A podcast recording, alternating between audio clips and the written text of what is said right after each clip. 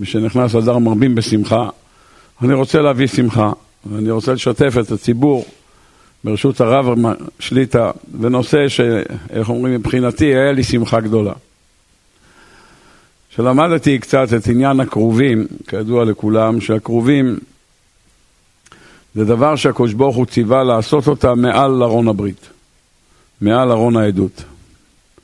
אומרת התורה, הכרובים האלה, אנחנו לא יודעים בדיוק מה זה הכרובים האלה. מצד אחד הגמרא בסוכה אומרת שהיה להם פני רביה, דמות של תינוק. מצד אחד הגמורה ביום אומרת שאחד זה פני איש, אחד פני אישה. מצד שני, בנובי ביחזקאל כתוב שזה דמות של עוף. וכך מביא כאן הרשב"ם במקום. רש"י בהמשך כותב שכרובים הכוונה לדמות של בריות. בספר יחזקאל הוא אומר שהוא ראה ארבע דמויות, דמות של אריה, דמות של נשר, דמות של שור ודמות של אדם, וכולם פני כרובים להם. אז אין לנו מושג מה זה כרובים, אנחנו לא בדיוק מה זה. מצד שני רש"י כותב, בפעם הראשונה שמופיע כרובים, כותב רש"י מלאכי חבלה. אז זה מלאך. מצד שני המשך חוכמה כותב, כרובים פני משה ואהרון. מצד שני ראיתי בספר ילקוט הרוביני תורה שבכתב, תורה שבעל פה. אז אני לא יודע להגיד לכם מה זה. אני רק יודע שזה משהו שאני לא יודע מה זה. כמו שכל המשכן אנחנו לא יודעים מה זה, אבל uh, הקדוש ברוך הוא מה שנקרא רוצים לקרב לנו לשכל ואני רוצה קצת ללמוד את הנושא הזה. כרוב אחד מקצה מזה וכרוב אחד מקצה מזה. ישנה הלכה נוספת בהלכות כרובים, אסור להניח את המכסה של הארון בלי שהתורה תהיה בתוכו. רק אם התורה בתוכו מותר לכסות אותו בכפורת ועליו הכרובים. כך אומרת התורה. רש"י אומר, לא ידעתי מה התורה רוצה לומר. אומר רש"י, שלא תשים, לא יהיה מצב שאתה מכסה את הארון עם הכרובים בלי שיש תורה מלמטה. אני רוצה קצת ללמוד את תורת הכרובים, ומה זה כרוב אחד מקצה מזה, בכרוב אחד מקצה מזה, כאשר התורה הקדושה רוצה להגיד לנו שלא תחשוב שני כרובים משני צדדים, כך אומר רש"י, אלא כרוב אחד מקצה. כי בהתחלה, זאת אומרת, התורה תעשה שתי כרובים, אז הייתי חושב שני כרובים מכל צד, לא, לא, זה כרוב אחד מקצה מזה וכרוב אחד מקצה מזה. כדי להסביר את הדברים צריכים קצת להפליג למחוזות אחרים, נפליג למחוזות אחרים ואחרי זה נחזור לכרובים. כדי להבין למה אני חותר להגיע, אני אומר לכם בסייעתא דשמיא. רש"י הקדוש בפרשת השבוע, תחילת הפרשה, וזאת התרומה אשר תיקחו מאיתם, כותב רש"י, שתדקדק במספרים תמצא שיש 13 דברים שצריך להביא. אומר שתדקדק בהם. מה רש"י כותב שתדקדק בהם? אתה יודע לספור עם האצבע, לא מה צריך לדקדק. תספור. אומר רש"י, נכון, תספור תמצא 15, אבל זה לא נכון. אתה צריך לדקדק בהם. מה אתה מתכוון לדקדק בהם? התשובה היא לדקדק בהם, צריך לדעת שהעניין של ספירת התרומות זה רק תרומות שאתה יכול להביא, מה שאתה לא יכול להביא אתה לא שייך לספור אותם. אומר רש"י, אבני שוהם ואבני מילואים לאפוד ולחושן אתה לא יכול להביא. למה? כי אין בורסה. במדבר אין בורסה. אתה צריך אודם, פיתדה, ברקת, נופר, ספיר ויהלום, לשב, שבו והחלמה, אין שמה. אתה לא יכול להביא אותם. אז איך הם הגיעו? אומרים חז"ל, העננים הביאו, הנשיאים הביאו, העננים הביאו, כל אחד מהנשיאים קיבל בתוך מנת המן שלו, בתוך המן הוא קיבל את האבן שלו, זה קיבל אודם, זה פיתדה, זה ברקת, נופר, ספיר, כל אחד קיבל את שלו. אז אומר רש"י, זאת הטעימה שתיקחו מאיתם, זה לא נכון. כי אתה לא יכול לקחת מכולם. אין, אין אודם, אין פיתדה, אין ברקת. מה שכן יש להביא, זה זהב וכסף ונחושת, חלד וארגמן. אומר רש"י, זאת התרומה שתיקחו מאיתם, שתדקדק, הוא אומר זה 13, זה לא 15, שלא תטעה. טוב. אחרים לומדים את זה אחרת, שבאמת זה 13, אבל לא אבני שוהם ואבני מילואים, כי אולי כן מישהו היה לו איזה אבן, לא אלא זה הכוונה, אלא מה שכתוב שמה, כתוב בדס קני בעלת אספס, שמה שהתכוונו, שזה 13, יש שני דברים שלא שייכים לעשיית המשכן. שמן למאור, בסמים לשמן למשחה, זה לא קשור למשכן. זה קשור לעבודת המשכן, זה לא קשור למשכן, לא שמים שמן בציריות. לא צריך שמן למאור, אתה מגיד, על הדלת לא נחרקת, אתה שם שמן, לא צריכים לשים שמן. המשכן פירקו והרכיבו אותו 42 פעם, 40, במסעות 42, וחוץ מזה בשבעת ימי המילואים שבע פעמים, 49 פעמים פירקו והרכיבו את המשכן, שום ציר לא נשבר, הכל עבר טוב, האדנים נכנסו, יצאו, אנחנו מעבירים ארון פעמיים ומחברים אותו לל"ג בעומר, נגמר הארון. 49 פעמים לא קרה שום דבר למשכן. כותב רבן עובדיה ספורנו, היות ועשו אותו אומנים יראי שמיים, לא היה בו לא פחת ולא שום דבר. היות ועשו אותו מראשיתו בקדושה, לא היה בו שום פחת ושום דבר לא.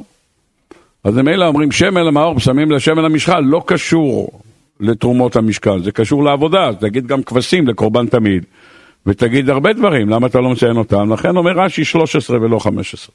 טוב. יש ספר שנקרא בשם מדרש תלפיות, מדרש תלפיות שהוא רבי אליהו הכהן מאזמיר. גאון הגאונים, בכלל יצירתי מאוד, רבי אליהו הכהן מאזמיר, יש לו הרבה ספרים, שבט מוסר, יש לו המון ספרים. בספר שלו הוא עומד על דבר שקשור לפורים, הרב אמר משנכנס לאדם רבים בשמחה. הוא אומר שגם ישנם 13 דברים נוספים במגילת אסתר, חור, כרפס ותכלת, אחוז בחלבוס וארגמן וכולי.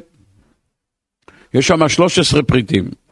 שואל הרב, ולמה יש חטא גדולה בחור? חור, יש שם חטא גדולה. אומר למה יש חטא גדולה? הוא אומר כיוון שאחשוורוש לבש בגדי כהן גדול. אחשוורוש טבע פן גדול, זה גמרא במגילה, אומרת הגמרא, מצד אחד כתוב על הבגדים של הכהן גדול לכבוד ולתפארת, ומצד שני כתוב ולתפארת, כתוב במגילת אסתר, כתוב ותפארת גדולתו, אומרים לך, תפארת גדולתו, לא כבוד תפארת, מכאן שלבש אחשוורוש בגדי כהן גדול. אז הדבר המזעזע, שהיהודים משו ואכלו, כשרואים את אחשוורוש יושב עם בגדי כהן גדול, יש לו ציץ, כתוב עליו קודש להשם, יושב עם, ה... יושב עם ה... כל הבגדים של הכהן הגדול, כולל התכלת, כולל את הכל, וכולם אוכלים, שותים לחיים, אומר, שותים לבקשה עוד שניצלים, ומבהירים לפעמים, לפעמים את כל, הבגד... את כל הדברים של בית המקדש. כל כלי המקדש מעבירים לפניהם, כך כתוב בחז"ל. הציגו שם את כלי המקדש, לכן הוא עשה משתה 180 יום. איזה מין שיגעון זה משתה 180 יום? אחרי שבע ברכות אתה הולך לנוע חצי שנה מה שאכלת. משתה 180 יום, מי יכול לאכול 180 יום? איזה משוגע עושה משתה 180 יום?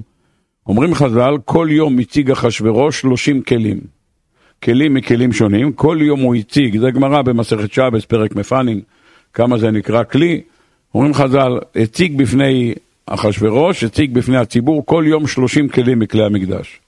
אומר הנביא בספר עזרא, סך הכלים למקדש 5,400 כלים. במקדש היה 5,400 כלים.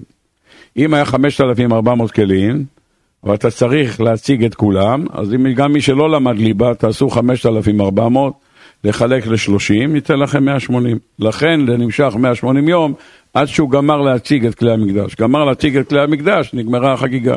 זה מה שנעשה כאן. ויהודים השתתפו במשתה הזה, שמציגים את תוצאת כלי המקדש לחולין, במקום לפקוד וליילל על ביזיון בית המקדש וביזיון כלי המקדש, ישבו ואכלו והכל בסדר גמור, אף אחד לא היה לו בעיה עם זה, זה אמר מרדכי.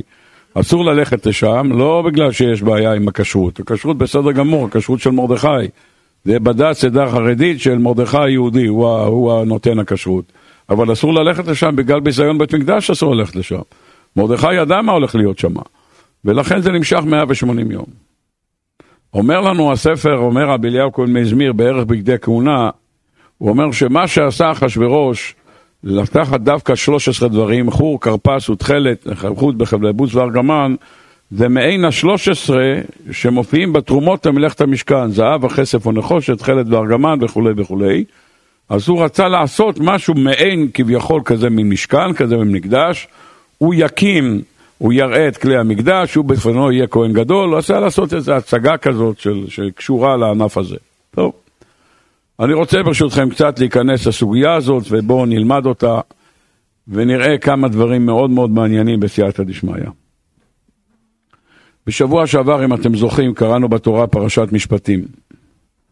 פרשת משפטים פותחת התורה בכי תקנה עבד עברי, שש שנים יעבוד ובשביעית יצא לחופשי חינם. כל אחד שקורא את זה שואל את עצמו שאלה, וכבר שואל את זה הרמב"ן במקום. לא מבין, מה אתה מביא לי פה את הסיפור הזה של... של עבד עברי, מה זה הנושא? גמרת מעמד הר סיני ואלה המשפטים, ו' מוסיף על עניין ראשון, מה אלה מסיני, אף אלה מסיני. הנושא מספר אחד זה כי תקנה עבד עברי, מה זה, זה הנושא? חשבתי, אתה מביא לי עבירות שיש בהן כרת, עבירות שיש בהן סקילה, עבירות שיש בהן הרג, חנק, אני מבין, מה, מה אתה מביא לי פה? עבד עברי, סיפור של גנב שצריך לשלם את הגניבה.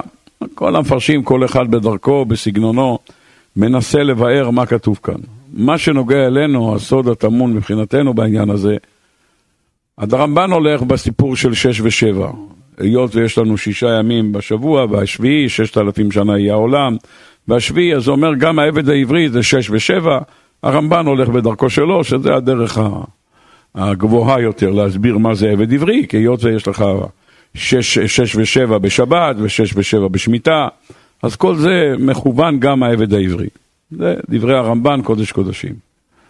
מפרשים אחרים הולכים בסיפור הזה, כי הדיברה הראשונה שקראנו, שקראנו בעשרת הדיברות, זה אנוכי השם אלוקיך אשר הוצאתיך מארץ מצרים מבית עבדים. זו הדיברה הראשונה. מה פתאום הגעת למצרים מבית עבדים? על מה אתה מחפש בבית עבדים? מה יש לך בבית עבדים? מה התשובה? כי תקנה עבד עברי. ירדנו למצרים, אומרת הגמרא במסכת שבת דף י"ב, בגלל שתי סלעים מילת שנתן יעקב ליוסף, התגלגל הדבר וירדנו למצרים. אז הסיבה שירדנו למצרים והמקום היחידי שמופיע עבד עברי, מופיע רק שם אצל מכירת יוסף. הביא לנו עבד עברי לצחק בנו. אין מושג כזה עבד עברי, ממתי עבד עברי? אברום נקרא אברום העברי, שכולם מצאן העבר אחד והוא מן העבר השני. ומה זה הביא לנו את יוסף הצדיק, אתה קורא לו עבד עברי, אבל ככה אמרה אשת פוטיפר, הביא לנו עבד עברי לצחק בנו. כי תקנה עבד עברי, תזכור תמיד שהסיפור הזה של עבד עברי זה סיפור שבגינו ירדנו למצרים.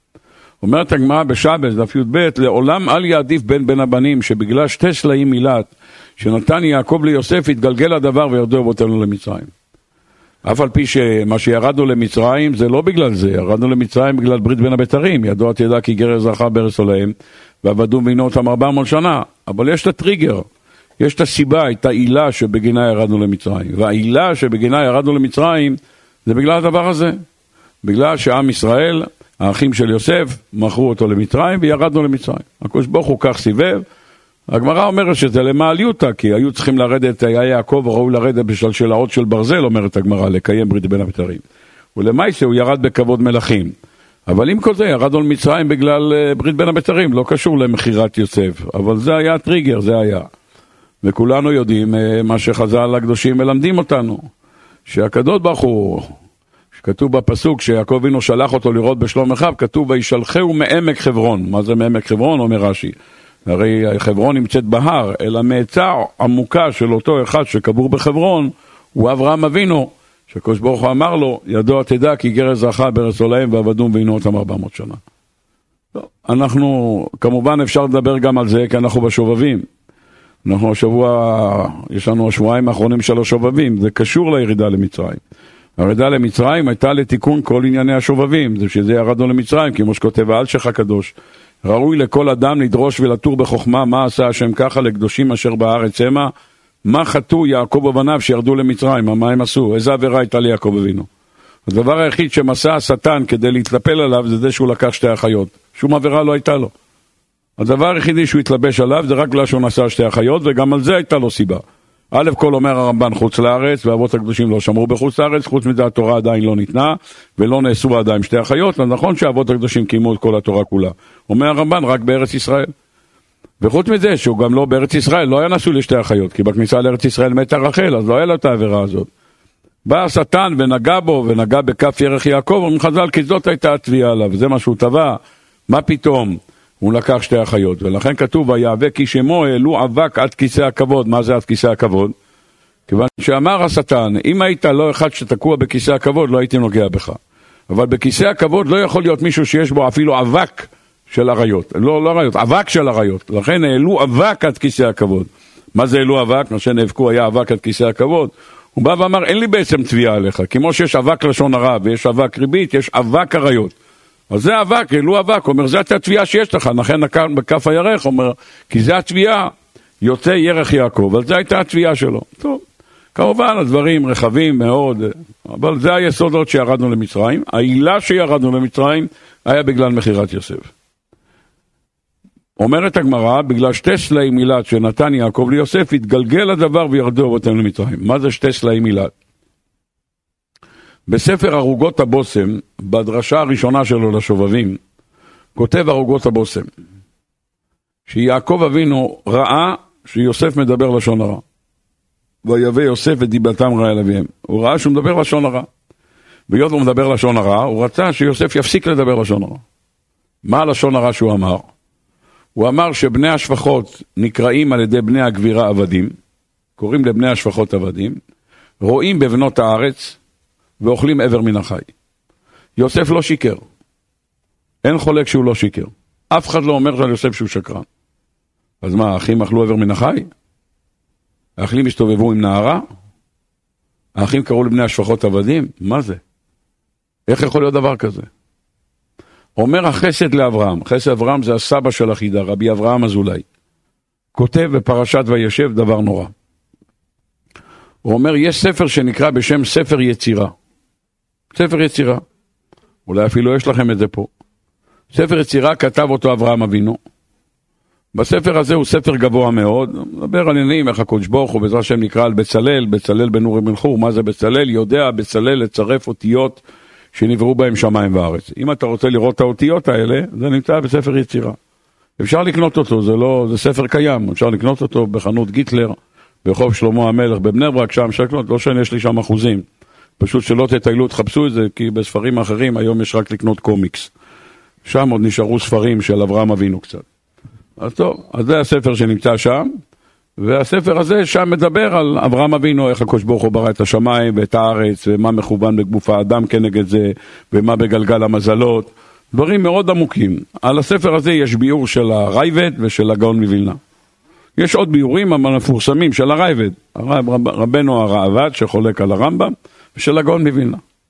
בספר של חיים מוולוז'ין הוא שאל את הגאון מווילנה, כך הוא כותב, שאלתי את הגרו, מופיע בהקדמה, שאלתי את הגרו, אם כתבת ספר יצירה, קראת פירוש על ספר יצירה, האם כתוב שם בספר יצירה איך יוצרים בן אדם? האם ניסית לייצר בן אדם? ככה שאל אותו רב חיים וולוז'ין. אמר לו הגאון מווילנה, כן, בגיל 13, הכנתי את עצמי לעשות בן אדם, רק באמצע שעסקתי בזה, בא בן אדם והפריע לי. הבנתי שמהשמיים לא נותנים.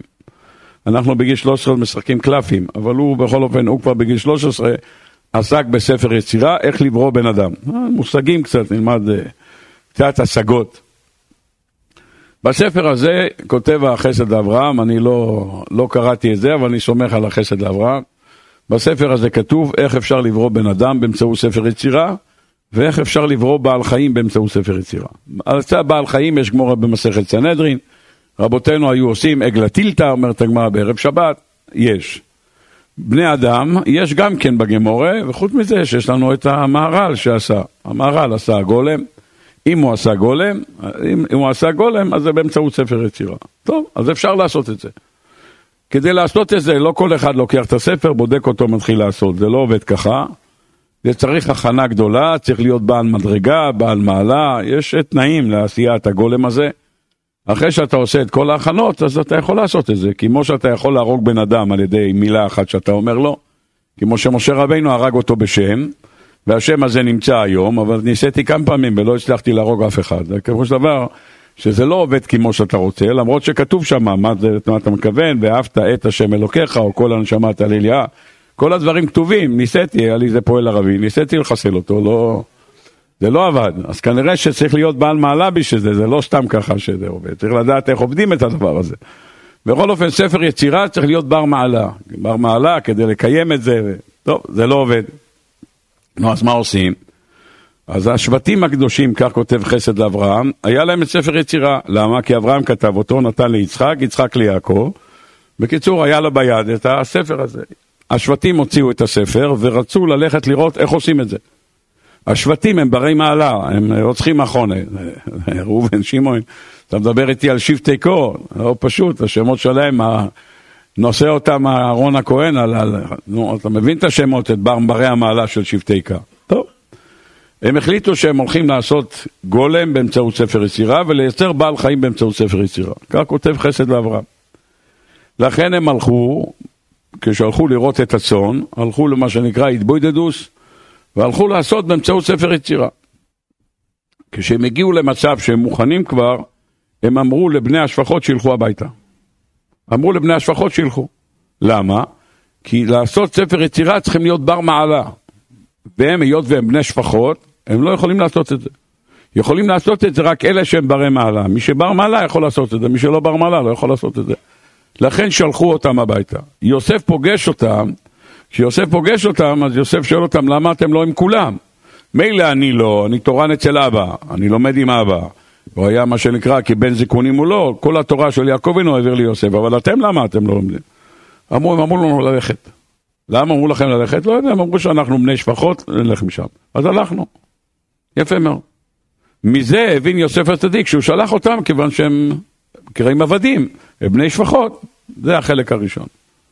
החלק השני, יוסף הולך ועוקב אחריהם, בינתיים עדי אחי ואחי, עד שיוסף הגיע, הם הצליחו לייצר אישה באמצעות ספר יצירה, אומר החסד לאברהם, והצליחו לייצר בעל חיים. הם הצליחו לייצר באמצעות ספר יצירה בדרך שלהם. איך הם עושים את זה אני לא יודע, אבל שם כתוב איך עושים את זה. טוב. יוסף רואה מן הצד שמסתובבים עם נערה. מסתובבים נערה, מי זה הנערה? אם הוא היה שואל אותם, היו אומרים לו, זה עשינו את זה בספר יצירה, הוא לא שאל אותם. הוא רק ראה, והלך לאבא שלו, אומר, אבא, אל תשאל. ששת בני לאה, בוא תראה, אתה רוצה? אני אביא לך תמונה, תראה. נו. יעקב אבינו הבין מיד ששבטי כה לא מסתובבים עם נערה, אלא שבטי כה עשו באמצעות ספר יצירה. אני לא יודע להגיד לכם אם אפשר להחליט את, את מין הילוד. אם יש בכוונות שאתה מכוון, אם יצא דווקא זכר או נקבה. הגולם מפראג יצא זכר, אני לא יודע להגיד לכם. למעשה כתוב שיצא נקבה. חוץ מזה עשו בעל חיים. אני לא נכנס לסוגיות ההלכתיות, זה, יש פה כנראה בית מדרש להוראה. מה הדין של בן אדם, שאתה עושה אותו באמצעות ספר יצירה? אתה הורג אותו, אתה חייב מיתה? אתה הורג אותו. הרגת אותו, אתה חייב מיתה? כדין רוצח? לא. לא יודע, יש פה רבנים, תשאלו אותם. אתה מצרף אותו למניין? מניין הוא יכול להצטרף. יש עוד דין, לדבר הוא לא יכול. כל מי שנברא באמצעות ספר יצירה לא יכול לדבר. רק ויפח באפו ונשמס חיים. רק מי שהקדוש ברוך הוא נופך בו נשמת חיים ומדבר. לרוח ממללה. מי שנעשה באמצעות ספר יצירה לא מדבר, כמו שאומרת הגמרא, אתה לא מדבר, שוב להפרח. אז פירוש דבר, לדבר הוא לא יכול, כי אין לו רוח ממללה. מה הדין שלו? יכול להצטרף למניין? לא יכול להצטרף למניין. כל הסוגיות האלה צריכים ביור. מעבר לכך, יש לו קידושין? כל הסוגיות האלה, אז יש שו"ת חכם צבי מדבר על הדבר הזה בהרחבה. מה קורה אם עשית בהמה באמצעות ספר יצירה? עשית בהמה, בראת עגל באמצעות ספר יצירה, עשית עז באמצעות ספר יצירה, גדי. עשית גדי, מה דינו? הוא בשרי או פרווה? הוא בשרי או פרווה? צריך שיטה או לא צריך שחיטה? יש לו דין עבר מן החי או אין לו דין עבר מן החי? מה הדין שלו? נו, סוגיות הלכתיות. לכאורה, הוא פרווה. רק עגל שנולד מפרה הוא בשרי. אם עשית אותו במעבדה, אז זה לא דין, הוא פרווה. זאת אומרת, השניצל טבעול הראשון שהיה. זה העז הזאת שעשו אותו. זה בעצם הראשון שהיה, זה הדבר הראשון שהיה. זה פשוט פרווה. יפה מאוד. צריך שחיטה או לא צריך שחיטה? בן פקועה ניתר בשחיטת אמו. יש לו דין או אין לו דין? טוב, סוגיות. לדעת מה אתה לומד, טוב. בא החסד לאברהם, ואומר הראשון שעשה בעל חיים באמצעות ספר יצירה זה אברהם אבינו בכבודו ובעצמו. הוא עשה את זה. למה? כתוב בפסוק, בשעה שעבם הגיעו שלושה מלאכים לביתו של אברהם אבינו, באו שלושה מלאכים, אברהם אבינו רצה לתת לכל אחד לשון בחרדל. כל אחד לשון בחרדל. נו, הולך לתת לכל אחד לשון בחרדל, ופר אחד ברח לו. אברהם אבינו רץ אחריו. בגיל מאה, בשלישי למילה, והוא רץ, ולבקר רץ אברהם. מה אתה רץ אחריו? ברח לו פר ורץ. למעשה יצא טוב, כי כשהוא רץ אחריו, אומר הפרקי דרב לזר, הוא גילה את הקבר של אדם הראשון, הוא גילה את הקבר של אדם הראשון, אז הוא ידע איפה הוא הולך להיקבר. וכשהוא הספר את זה לשרה אמנו, היא אמרה, יבקש ממנו בקשה אחת, היא רוצה להיקבר שם. ולכן אברהם אבינו בהספד על שרה, באות זין, אמר, זממה שדה ותיקחהו. ביקשה ממני שאני אקבור אותה שם, וקברתי אותה שם. זממה שדה. היא ביקשה שאני אקנה לה את השדה הזאת, את שדה המכפלה, ואני ככה, קניתי לה את זה. נו, יפה מאוד. זה אשת חיל, זה הרי ההספד שאמר אברהם אבינו על שרה ממנו, כך מופיע פרשת חיי שרה. לא, לא בטוח שאפשר להגיד את זה בבית, שאתה שר לאשתך אשת חיל, שזה הספד על שרה ממנו, אז תזרמו עם זה שזה סוף משלי, אל תגידו את הדברים, אבל שתדעו שזה ההספד שאמר אברהם אבינו על שרה ממנו. טוב, זה מה שמלמדים אותנו חז"ל.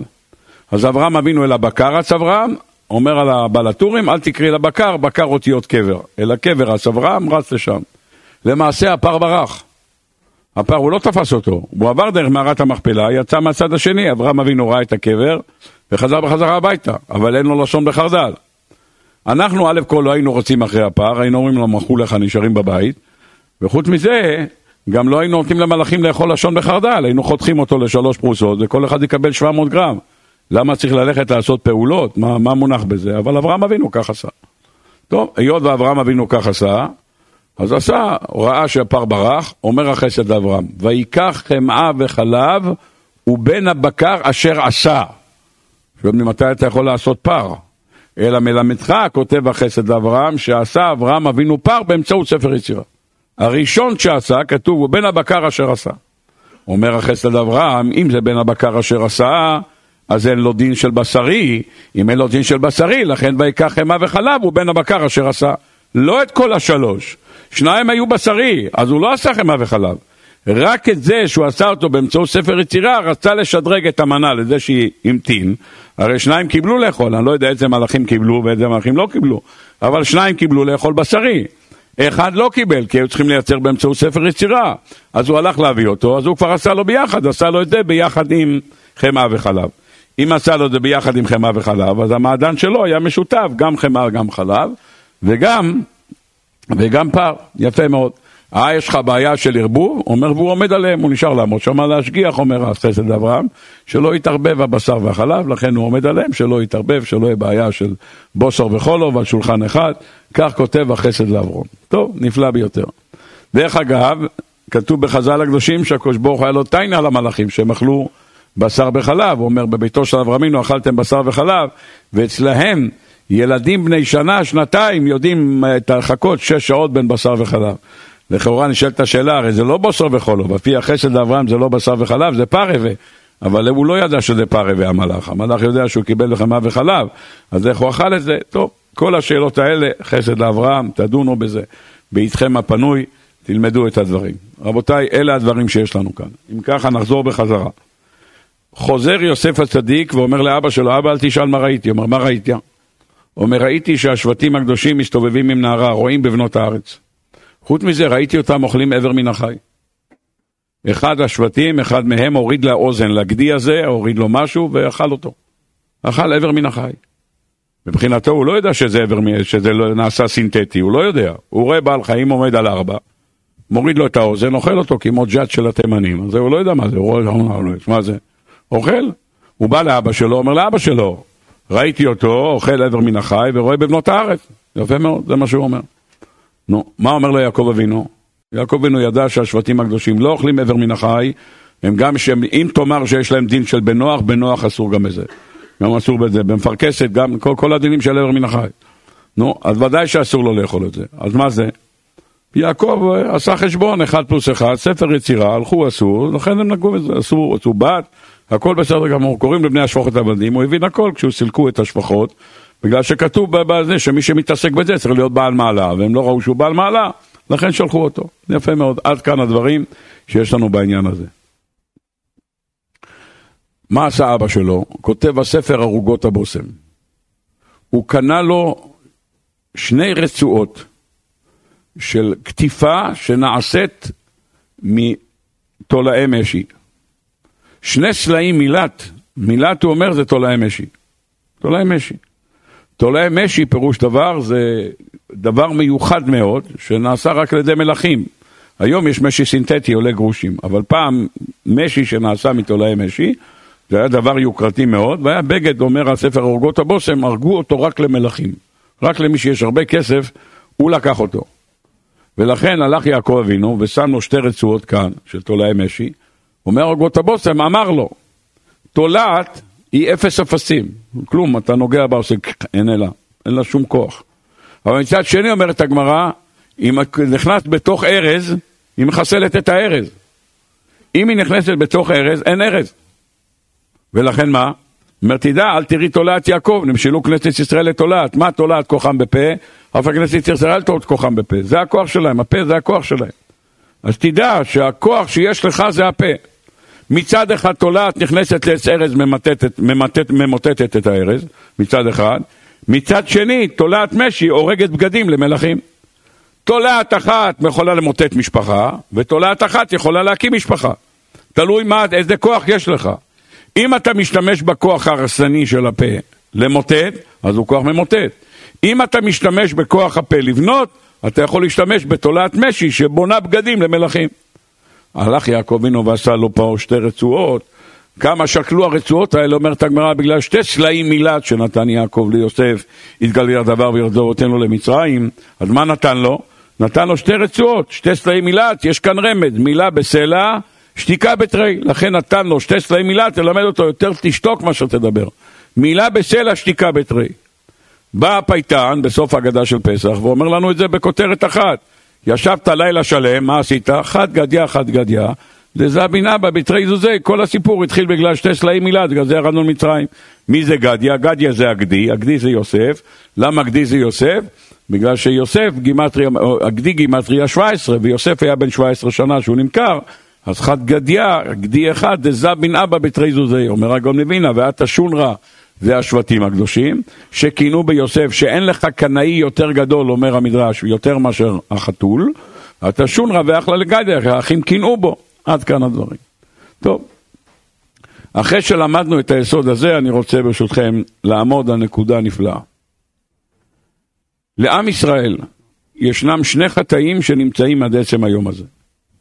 חטא אחד הוא מכירת יוסף, וחטא אחד הוא חטא העגל. אלה שני חטאים שעד היום הזה מקטרגים עלינו. הגמרא במסכת שבת, במסכת סנהדרין, פרק חלק, אומרת הגמרא, אין לך פורענות שבאה על ישראל שאין בה משהו מחטא העגל. אחד באחד מ-24 באחרי הליטרה. אז כל אחד יש לו מהחטא העגל. כל צער שיהודי עובר. בבית, עם ילדים, עם חינוך ילדים, עם בשלום בית, פרנסה, הכל מחטא העגל. יכול להיות גם צדיק גמור. הכל מגיע משהו, חטאים עד שנסיים אותו. חטא נוסף שנמצא עד עצם היום הזה, מכירת יוסף. החטאים האלה נמצאים עד היום, והשטן, כל פעם שעם ישראל נמצא בבעיה, הוא מוציא את שני הפתקים האלה כדי לקטרג על עם ישראל. כאשר ישנו פילוג, הוא מוציא את מכירת יוסף. כאשר ישנה עבירות של בן אדם למקום, הוא לוקח את החלק של חטא העגל. אלה שני החלקים שהוא משתמש בהם בכל עת ובכל שעה. כדי להבין את הדברים אני רוצה ללכת שלב נוסף. והשלב הנוסף הזה, הוא מופיע בספר שנקרא חן טוב. חן טוב הוא ספר קדום, בן דורו של הבית יוסף, קראו לו רבי טוביה הלוי, זה השם שלו, רבי טוביה הלוי. אין להשיג את הספר הזה בארץ, הספר הזה אפשר להוציא אותו רק בארצות הברית, הוצאת קדמוניות. אני אומר לכם מראש שלא תחפשו, כי זה לא, אולי היום כבר יש, אני לא יודע. לפני 20 שנה שקיבלתי אותו, לא היה אותו, ראיתי את זה פעם ראשונה בבית של הרב שטיימן, זכר צדיק לברכה, מישהו הביא לו איזה מתנה. אז באתי לשם לשאול שאלה, וכל כך שקעתי בספר, שכחתי אפילו בשביל מה באתי. בקיצור, קראתי את זה שם כמה שעות. זה ספר נפלא, באמת ספר נפלא, בסגנון של האלשיך, של אברבנאל, 15 שאלות ואחרי זה תירוצים. מי שמחפש משהו קליל עם נקודות ובסוף אה, כמה בדיחות וסיפורים, אין שם. זה ספר מההתחלה ועד הסוף, לשבור את הראש, מתחיל בברוכס, גומר בנידה ומסובב את כל הש"ס כולו על אצבע אחת. זה הרעיון של הספר הזה. בסגנונות של, אה, של רבותינו בתקופת האלשיך, שמתחיל עם סדרה אברבנאל, זה הסגנון. בספר בפרשת וישב הוא כותב דבר, דבר נורא, הכל מהוגן על מדרשים. יש למטה סימונים, בהדפסה הישנה זה כתב רש"י בלי, בלי מקורות, אבל עכשיו במכון הוצאת קדמוניות, הוציא את, יש לכל דבר מקורות למטה. הכל בדוק, בדקתי את הכל, הכל נכון. כשיוסף נשלח לראות את אחיו, אומר לאבא שלו, לך נראה את שלום אחיך ואת שלום הצאן. פוגש אותו המלאך, אומר, מה? מה תבקש? אומר, אתה חי? אומר, לא, נסעו מזה. יוסף הולך, אמרו, שמעתי, אומרים לך דות עינה. יוסף יכל לחזור הביתה. אבא שלו אמר ללכת לשכם, אין בשכם, לחזור הביתה. שמעתי הולכים דותן, אומר לאבא, חיפשתי אותם בשכם, לא מצאתי, מה, אתה צריך להמשיך הלאה? אבל יוסף הצדיק היה צדיק והמשיך הלאה. המשיך הלאה, הגיע לדותן, אומרים שמעון ולוי, הנה, הנה בעל החלומות על הזה בא, בוא נהרוג אותו. הנה בעל החלומות על הזה בא, בוא נהרוג אותו. שואל אותם יוסף, כך מביא אכן טוב, שאל אותם יוסף, למה אתם רוצים להרוג אותי? מה, מה קרה? אמר לו, אמרו לו האחים, אנחנו רוצים להרוג אותך בגלל סיבה אחת. ראינו ברוח הקודש שיצא ממך בן, שיעביד את עם ישראל בעבודה זרה. אם נהרוג אותך, לא יהיה עבודה זרה. מי זה הבן? לבן קוראים ירובעם בן נבט. ירובעם בן נבט סגר את המעבר לירושלים, עם ישראל רצו להביא קורבנות, אתה שם להם שני עגלים, אחד בדן ואחד בבית אל, ואמר תקריבו קורבנות. כך היה מירובעם בן נבט. אמרו לו ירובעם בן נבט, אתה משבט אפרים. אם נהרוג אותך, לא יהיה אפרים, לא אפרים, לא ירובעם בן נבט. נחסוך לעם ישראל לעבודה זרה. שואל אותם יוסף, מותר לעשות את זה? הרי כתוב בתורה באשר הוא שם. הורגים את הבן אדם רק לפי מצבו עכשיו, מה פתאום הולכים לשם עתיד? אמרו לו, יש דבר כזה שאפשר להרוג אדם על שם העתיד. איפה? בבן סורר ומורה אפשר להרוג אדם על שם העתיד. בן ומורה, למרות שהוא לא עשה עכשיו כלום, כשרב מוות, אבל אפשר להרוג אותו. אז יש מצב להרוג בן אדם על שם העתיד. אם יש מצב להרוג בן אדם על שם העתיד, אז גם אנחנו נהרוג אותך. נהרוג אותך, וכך נחסוך. כמו שאתה הורג בן סורר ומורה כדי שהוא יבוא לעשות אה, רצח או שוד בשבת, ויחלל שבת, ילשם את הבריות ויהרוג מישהו בשבת, אז בואו נהרוג אותך כדי לחסוך עבודה זרה. אמר לו יוסף, מה, מה, מה, מה? אתם הולכים להרוג אותי בגלל עבודה זרה שייתם מרובו בנבט? אומר להם, למה אתם הולכים רחוק? כולכם תעבדו עבודה זרה עוד לפני שיבוא עוד עבודה זרה שלי. כולכם פה. כל ה-12 אחים פה, כולכם תעבדו עבודה זרה עוד לפני שיבוא העבודה זרה שלי. הוא אומר, זה הפירוש, והנה אנחנו מעלמים עלומים בתוך השדה עוד לפני שקמה אלומתי וגם ניצבה. עוד לפני שקמה אלומתי וגם ניצבה, כולנו נעבוד עבודה זרה. אמרו לו, על מה אתה מדבר? מאיפה הבאת את זה? אמר להם, אני אגיד לכם מאיפה הבאתי את זה. מה שאתם רואים ברוח הקודש, גם אני רואה ברוח הקודש. מה אתם חושבים, שאני סתם חושב שאני מלך? אני אהיה מלך, אתם תעשו מה שאתם רוצים, אני אהיה מלך, הקדוש ברוך הוא רוצה שאני אהיה מלך.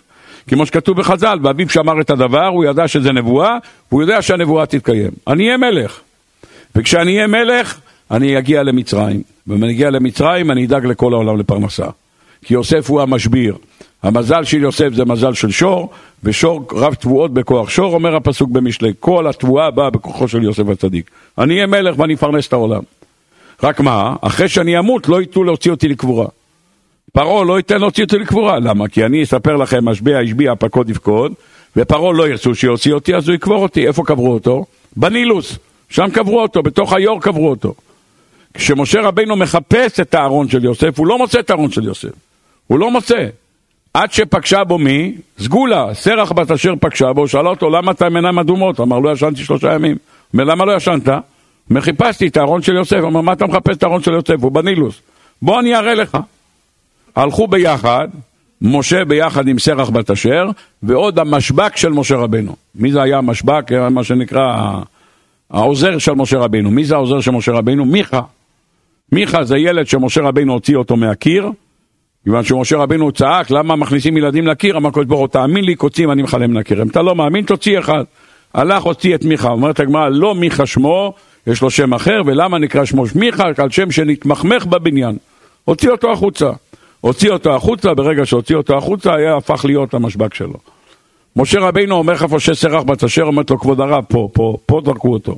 עומד משה ליד, זה אומר המדרש פרשת בשלח, עמד משה ואמר יוסף יוסף הגיע זמן גאולתנו, אתה יוצא טוב, אם לא אנחנו משוחררים. לא יצא שום דבר. יוסף אומר למיכה, אומר תעשה טובה, בבקשה, תלך בבקשה, תלך לחנות טמבור, תביא לי חתיכה ברזל, כתב עליו משה רבנו עלי שור, כתב עלי שור וזרק את זה בתוך המים. ברגע שזרק את זה בתוך המים, יצא אהרון החוצה. משה, ייקח משה את עצמות יוסף עמו, קראנו לפני כמה שבתות, הוא לקח את העצמות, מיכה לקח את הפתק עלי שור. לקח את הפתק עלי שור, שם אותו בכיס. מה הייתה התוכנית שלו? אומרים חז"ל, התוכנית שלו הייתה לעשות מזה עבודה זרה, זה התוכנית שלו. כי הקדוש ברוך אמר לו קוצים אני מכלה מן הכרם. זה פסל מיכה שמובא בנובי, פסל מיכה, זה פסל מיכה, זה היצרן של הפסל הזה. יפה מאוד. התוכנית שלו הייתה לעשות מזה עבודה זרה. לכן אומרים חז"ל והמים להם חומה, אל תקחי חומה אלא חימה. למה חימה? כי המים אמרו, מה, יצאתם ממצרים, אתם הולכים לעבוד עבודה זרה? אז על זה היה הטענה הגדולה. יפה מאוד. אומר להם יוסף, רבותיי, אני רוצה לומר לכם, תשימו לב לחשבון שמביא אכן טוב. אמר להם יוסף, אם אתם שונאים אותי, אתם תמכרו אותי למצרים. תמכרו אותי למצרים, אני אהיה מלך, אני אהיה מלך, ישים אותי בנילוס.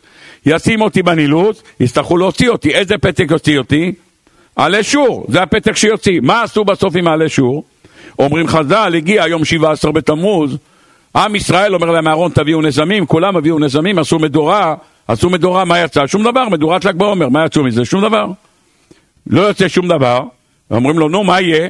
אז יש מחלוקת בחז"ל איך יצא העגל. אחד אמר ינוס וימברוס, שני מכשפים היו שם הבנים של בילום, ואחד אמר לו, מיכה עבר שמה, לקח את הפתק עלי שור שכתב משה רבנו, וזרק אותו בתוך האש, ויצא העגל הזה.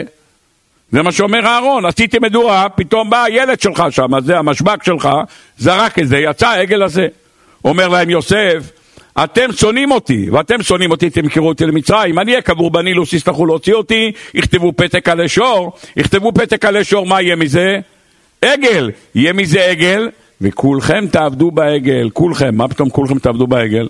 התשובה פשוטה, אומר רבי שמעון בר יוחאי, ירושלמי, פרק חלק, אמר רבי שמעון בר יוחאי, בתורה כתוב שהם רקדו מסביב לעגל, הם אמרו, זה אלוהיך ישראל, אשר, אלה אלוהיך ישראל, אשר אלוהיך. אומר הנביא בספר נחמיה, פרק ח', שהם רקדו מסביב לעגל, הם אמרו, זה אלוהיך ישראל אשר אלוהיך מארץ מצרים. ככה הם רקדו מסביב לעגל. זה אלוהיך ישראל. אומר רבי שמעון בר יוחאי, זה, כמה זה בגימטריה זה? 12. אלה זה אחד, מלמד שעשה אחד דימוס מרכזי ועגל לכל שבט ושבט. אז כמה יש לך בסך הכל? יש לך זה ואחד לכל שבט ושבט. בסך הכל יש לך 13 עגלים. 13 עגלים עשו ישראל. עד כאן הדברים שאמר יוסף הצדיק לאחים שלו. אם ככה רבותיי נוכל להבין טוב מאוד. יוצא שממה בא חטא העגל? חטא העגל נולד ממכירת יוסף. אם לא היה מכירת יוסף, לא היה חטא העגל. אומר המשך חוכמה בפרשת החמות, לכן כתוב מה? ביום הכיפורים אנחנו אומרים כי אתה סלחן לישראל ומחולן לשבטי שורון. למה אתה מזכיר את שני הדברים? למה? אומר המשך חוכמה, סלחן לישראל זה על חטא העגל ומחולן לשבטי שורון, חטא מכירת יוסף. כי אלה שורשי החטאים, שורש בין אדם לחברו, מכירת יוסף, שורש בין אדם למקום, חטא העגל. עד כאן, מובן? עכשיו אפשר להכניס את הזנב לתוך הפה ולקשור את הקצוות. שימו לב, דבר יפה מאוד. כותב הספר סרתי, דבר יפה מאוד. שני החטאים האלה מתחילים מהמילה זה. שני החטאים מתחילים מהמילה זה. איפה שני החטאים מתחילים מהמילה זה? כי זה משה האיש לא ידענו מי היה לו. מכאן זה מתחיל. חוץ מזה, אומר הנביא בנחמיה, רקדו מסביב לעגל, מה הם אמרו? זה אלוהיך ישראל אשר אלוך מארץ מצרים. זה. חטא מכירת יוסף, ממה מתחיל? גם מהמילה זה. נסעו מזה, אומר רש"י, הסיעו עצמם מן האחווה. אומר השפתי חכמים, זה בגימטריה 12, שמעתי הם אומרים שהם לא רוצים להיות 12. מספיק להם 11. זהו, הביתה. אז חטא מכירת יוסף מתחיל מזה, וחטא העגל מתחיל מזה. אם ככה, מי שנכנס לאדם מרבים בשמחה, בואו תראו איזה שמחה. מרדכי קרא את הבגדים, למה? ומרדכי ידע את כל אשר נעשה. מי יגיד לו? אומר רש"י, בעל החלום יגיד לו. מי זה בעל החלום? אליהו הנביא, אשרי מי שבא לו בחלום, אתם אומרים אליו במלכה. יופי, אז זה אליהו הנביא אמר לו. מה אתה יושב בשקט? הוא אומר לו, יש גזירה, המן עם אחשוורוש הולכים לחסל את עם ישראל. מרדכי יודע, זה קורע את הבגדים על המקום, לובש שק, מגיע התח, ואומר לאסתר המלכה, הדוד שלך, בעלך, קרע את הבגדים, לבש שק. אומר, מה, מה? קרע? לבש את הבגדים? מה, מה קרה? מה, לא יודע. קרע את הבגדים, בבקשה, שולחת איתו בגדים, להחליף את הבגדים של מרדכי. מה היא שואלת? היא רוצה לדעת מה זה ועל מה זה. על מה? תגיד מה? מה זה מה זה על מה זה? זה נמצא מילה ביידיש. פרבוס עם פרבוס. תגיד מה את שואלת? מה זה לדעת מה זה? למה קראת את הבגדים ולמה אתה לא מקבל בגדים חדשים? תדברי ברור. אומרת אסתר המלכה, אם יש גזירה להשמיד, להרוג ולאבד את כל היהודים, צריכה להיות סיבה. או עגל או מכירת יוסף. אלה שניהם מתחילים במילה זה. אני רוצה לדעת, לדעת מה זה ועל מה זה, על איזה זה יש את הגזירה. אומר לה מרדכי היהודי, אם קראתי את הבגדים, איזה זה? בחטא העגל מישהו קרא בגדים? שום דבר יצא העגל, אף אחד לא קרא בגדים, כולם הסתכלו מסביב לעגל, הביאו לו לאכול מן והמשיכו הלאה. איפה קראו את הבגדים? כשיעקב אבינו קיבל את הכותונת של יוסף, אמרו לו, הכר נא הכתונת בנך, אם לא, מה ויקיריה, ומה? ויקרא יעקב שמלותיו וילבש שק. אומר מרדכי, מה התעורר? מכירת יוסף, אומר הקדוש ברוך הוא, אתם מכרתם את אחיכם מתוך אכילה ושתייה, חייכם שנאמר, וישבו לאכול לחם, תימכרו להשמיד ולהרוג ולאבד, מתוך אכילה ושתייה, שנאמר, והמלך והמן ישבו לשתות, והעיר שושן אבוכה. יוצא שכל הפורים, מה? בא כתוצאה של מה? כתוצאה של מכירת יוסף, שם זה התעורר. אם זה בא מתוך יתרת יוסף, שואלת אסתר המלכה שאלה, מה היא שואלת? אומרת אסתר המכה, תגיד, אני רוצה לדעת מה זה ועל מה זה, איזה זה יתעורר. האם הזה של העגל יתעורר או הזה של זה יתעורר, זאת השאלה. יוצא ששני הדברים שמעוררים זה זה, זה עגל, בן אדם למקום, זה מכירת יוסף, בן אדם לחברו. אומר הקדוש ברוך הוא, כרוב אחד מקצה מזה וכרוב אחד מקצה מזה. תיזהר. בשני הדברים, בעבירות שבין אדם למקום ובין אדם לחברו, אי אפשר להפריד ביניהם. אי אפשר להפריד. אתה לא יכול לשים, כשאתה שם את, הכרובים מלמעלה, שלמטה נמצאת התורה הקדושה, אל תגיד, אני רק במצוות שבין אדם לחברו. אני רק במצוות שבין אדם למקום. תדע לך, הלוחות, מזה ומזה הם כתובים. יש לך גם זה שבין אדם למקום וגם זה של בין אדם לחברו. אי אפשר להפריד ביניהם. כתוב בחז"ל הקדושים באבות דרבי נתן, בשעה שמשה רבינו, בשעה שמשה רבינו ירד עם הלוחות, באו הזקנים ורצו לתפוס לו את הלוח שבין אדם לחברו, ולא רצו לתת לו לשבור את הלוח הזה. למה? אמרו לו, למה אתה שובר? מה קרה? מה אתה שובר? זה שתי לוחות. לוח אחד בין אדם למקום, אחד לאחד. תשבור את זה שבין אדם וגם מקום. כתוב, אנוכי השם אלוקיך, לא יהיה לך אלוהים אחרים על פניי. מה אתה שובר את החלק שבין אדם לחברו? אומר משה רבינו, אין דבר כזה. אם אין אנוכי, אין לא תרצח. אם אין לא יהיה לך, אין דבר כזה. הם לוחות מצומדות, אי אפשר להפריד אותם. ולכן אומר לנו משה רבינו, הלוחות האלה צמודות. שמים לך את הלוחות למטה בתוך הארון, יש לך חלוקה של שניהם, חמישה בן אדם למקום, חמישה בן אדם לחברו. הקרובים שבאים למעלה צריכים להיות פניהם איש אל אחיו. לומר לך, אתה לא יכול לקיים מצוות של אדם למקום אם אין לך שלמות בבן אדם לחברו. אלה שני לוחות מצומדות שלא ניתנות להפרדה. אלה הדברים שמלמדים אותנו רבותינו. ולכן בסייעתא דשמיא, שאנחנו לומדים קצת על המהות הזאת של החג הזה, של ימי הפורים הבאים עלינו לטובה, כולנו יודעים שיש שם שתי מצוות שבין אדם למקום ושתי מצוות שבין אדם לחברו. קריאת מגילה בין אדם למקום, הודעה והלל לקדוש ברוך הוא שהציל אותנו מגזירת המן. יש לנו סעודת פורים, רצו להשמיד את הגוף, אנחנו מודים לקדוש ברוך הוא.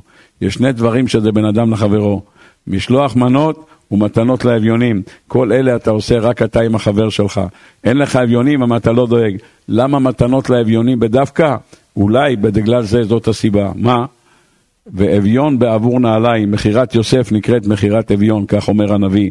מתנות לאביונים, לעורר מחדש את העניין הזה, שהאחים קיבלו כסף כדי למכור את האח, ואנחנו הולכים לעזור לאח באמצעות כסף, זה תשובת המשקל לעניין הזה. אם ככה נחזור לרבי אליהו כהן מאזמיר ובזה נסיים. אומר רבי אליהו כהן מאזמיר, לפיכך עשה אחשורוש 13 פריטים, חור כרפס ותכלת, לעורר את חטא העגל ב-13 עגלים שעשו ישראל, כשיטת רבי שמעון בר יוחאי, ש-13 עגלים הם עשו, לכן הוא עשה חור כרפס ותכלת, אחוז בחלבבוס וארגמן וכולי וכולי, 13 כנגד 13. אם ככה מדוקדק גם דברי רש"י, ושתדקדק בהם תמצא 13. לשיטה הזאת שהמשכן בא לכפר. על חטא העגל, יש הרי מחלוקת בין הרמב"ן לבין רש"י, או בין עובדיה ספורנו לבין הרמב"ן. האם בלי חטא העגל היינו מצווים לעשות משכן, או בלי חטא העגל לא היינו מצווים לעשות משכן? מחלוקת ביניהם.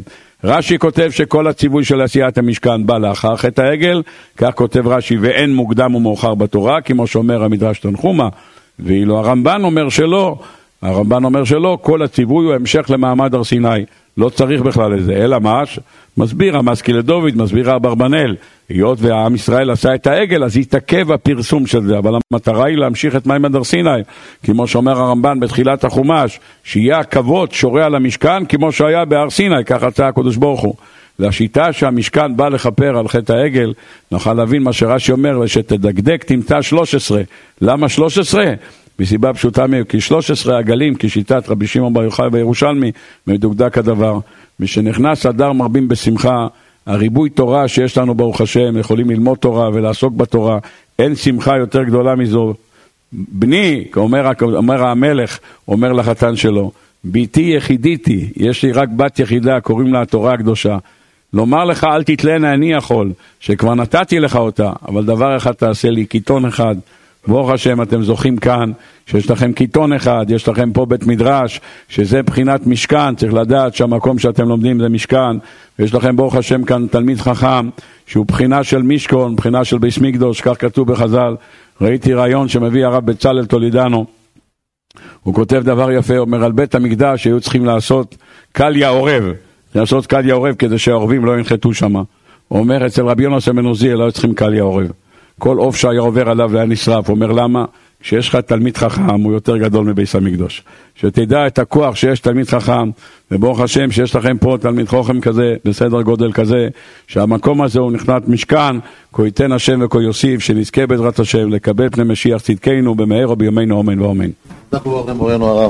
שפתיים משק למורנו הרב שלי, ככה כסיומת לדברי קודשו, ראיתי בשם הגאון המפורסם, מגדולי רבני המערב, בעל המקום, המלאך אביר רפאל אנקאווה, שהוא מביא בהקשרם של דברים בעניין חטא העגל ובעניין מכירת יוסף. כתוב, כששאלו אותו, ויאמר לו מה זה בידיך, אמר להם ויאמר מטה וישליכהו ארצה ויהי. אומר הרב, כל הבעיה שלנו, שלפעמים אנחנו לצערנו ולדאבוננו, משליכים ארצה את הבן אדם לחברו. לפעמים גם כן בעוונות הרבים, משליכים ארצה את הבן אדם למקום. צריכים לדעת, המזה בידך, צריכים לאחוז בו, אחוז בזנבו. שחלילה אותו זנב שאפשר להכניס לפה ולהשאיר אותו בפה, זה בזכות שתי המעלות הללו. מרן החזון איש פעם התבטא ואמר, בשביל לצאת מארץ ישראל לחוץ לארץ, יש שלוש דרכים. יש מקומות שצריך דרכון, יש מקומות, יש מדינות שצריכים להיכנס עם ויזה, ויש מדינות, דרכון לא יעזור, ובוויזה לא שלח ידו, צריך דרכון דיפלומט. אז אומר מרן החזון איש, כשיש את הבן אדם לחברו, שזה היסוד, זה הדיפלומט. את זה מצינו אצל רבי שמעון בר יוחאי ואצל רבי מאיר בעל הנס בגמר וקידושין, דף ל"ו, שם הגמר, המשנה מביאה מחלוקת, מתי נקראים בנים אתם להשם אלוקיכם?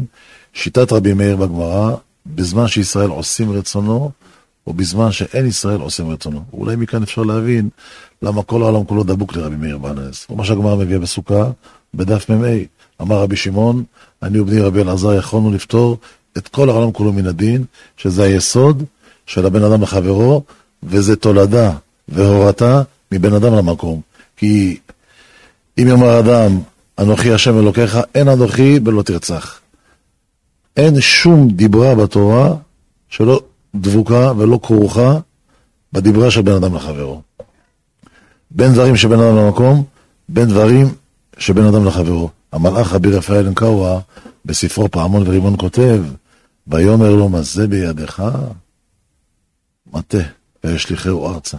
חס ושלום, אם אנחנו מסיחים דעתנו, לומר שבדברים שבין אדם למקום, ברוך השם, אנחנו מושלמים. בדברים שבין אדם לחברו אנחנו פחות מדקדקים.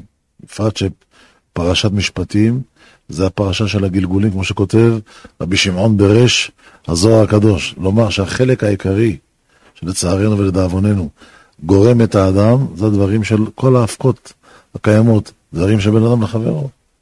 הדיבור, הסגנון, חוסר הדאגה, לפעמים היסח הדעת, אנשים נמצאים בבתי אבות, יש מצוות לראות אותם, ביקור חולים, כל מה שיש מסביב. מה שהגמרא אומרת באותה סוגיה שהרב הזכיר בשבת דף י"ב, רחמנא את קרנך לחיים תבין ולשלם.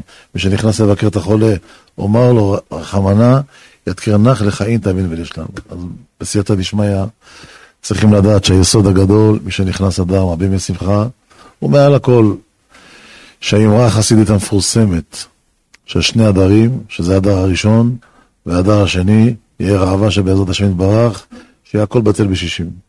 בין באדר הראשון, בין באדר השני, וזה הזמן שהקדוש ברוך הוא אמר די לצרות עמך ישראל, והזכרתי. שאת המילים האלה, הותר לפרסום, לא נשמע אותם כלל ועיקר. זה הותר אותיות תורה. מתי יש הותר לפרסום? כשחסר את העבודה של בן אדם לחברו.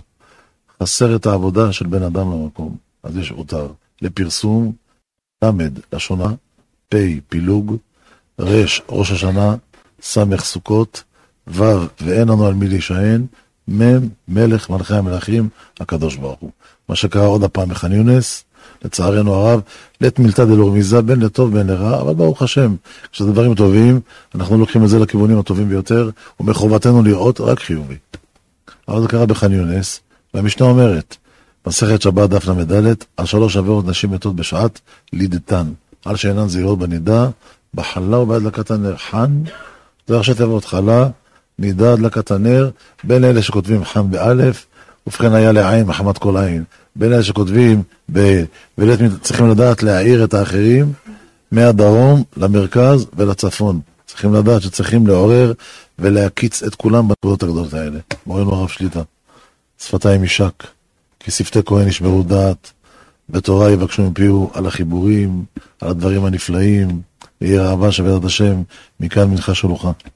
מסת וארוחה, ובסייעתא דשמיא החלמה מהירה לרבנית, שהשם יתמיד בריאותה. בבריאות שלמה ואיתנה, וכתר בעזרת השם יתברך, ילך בכוחו להגדיל תוארו לאדירה, וברוך הבא בצל קורתנו, וברוך יהיה, לעד יחיה, שלומכם ישגה לעד.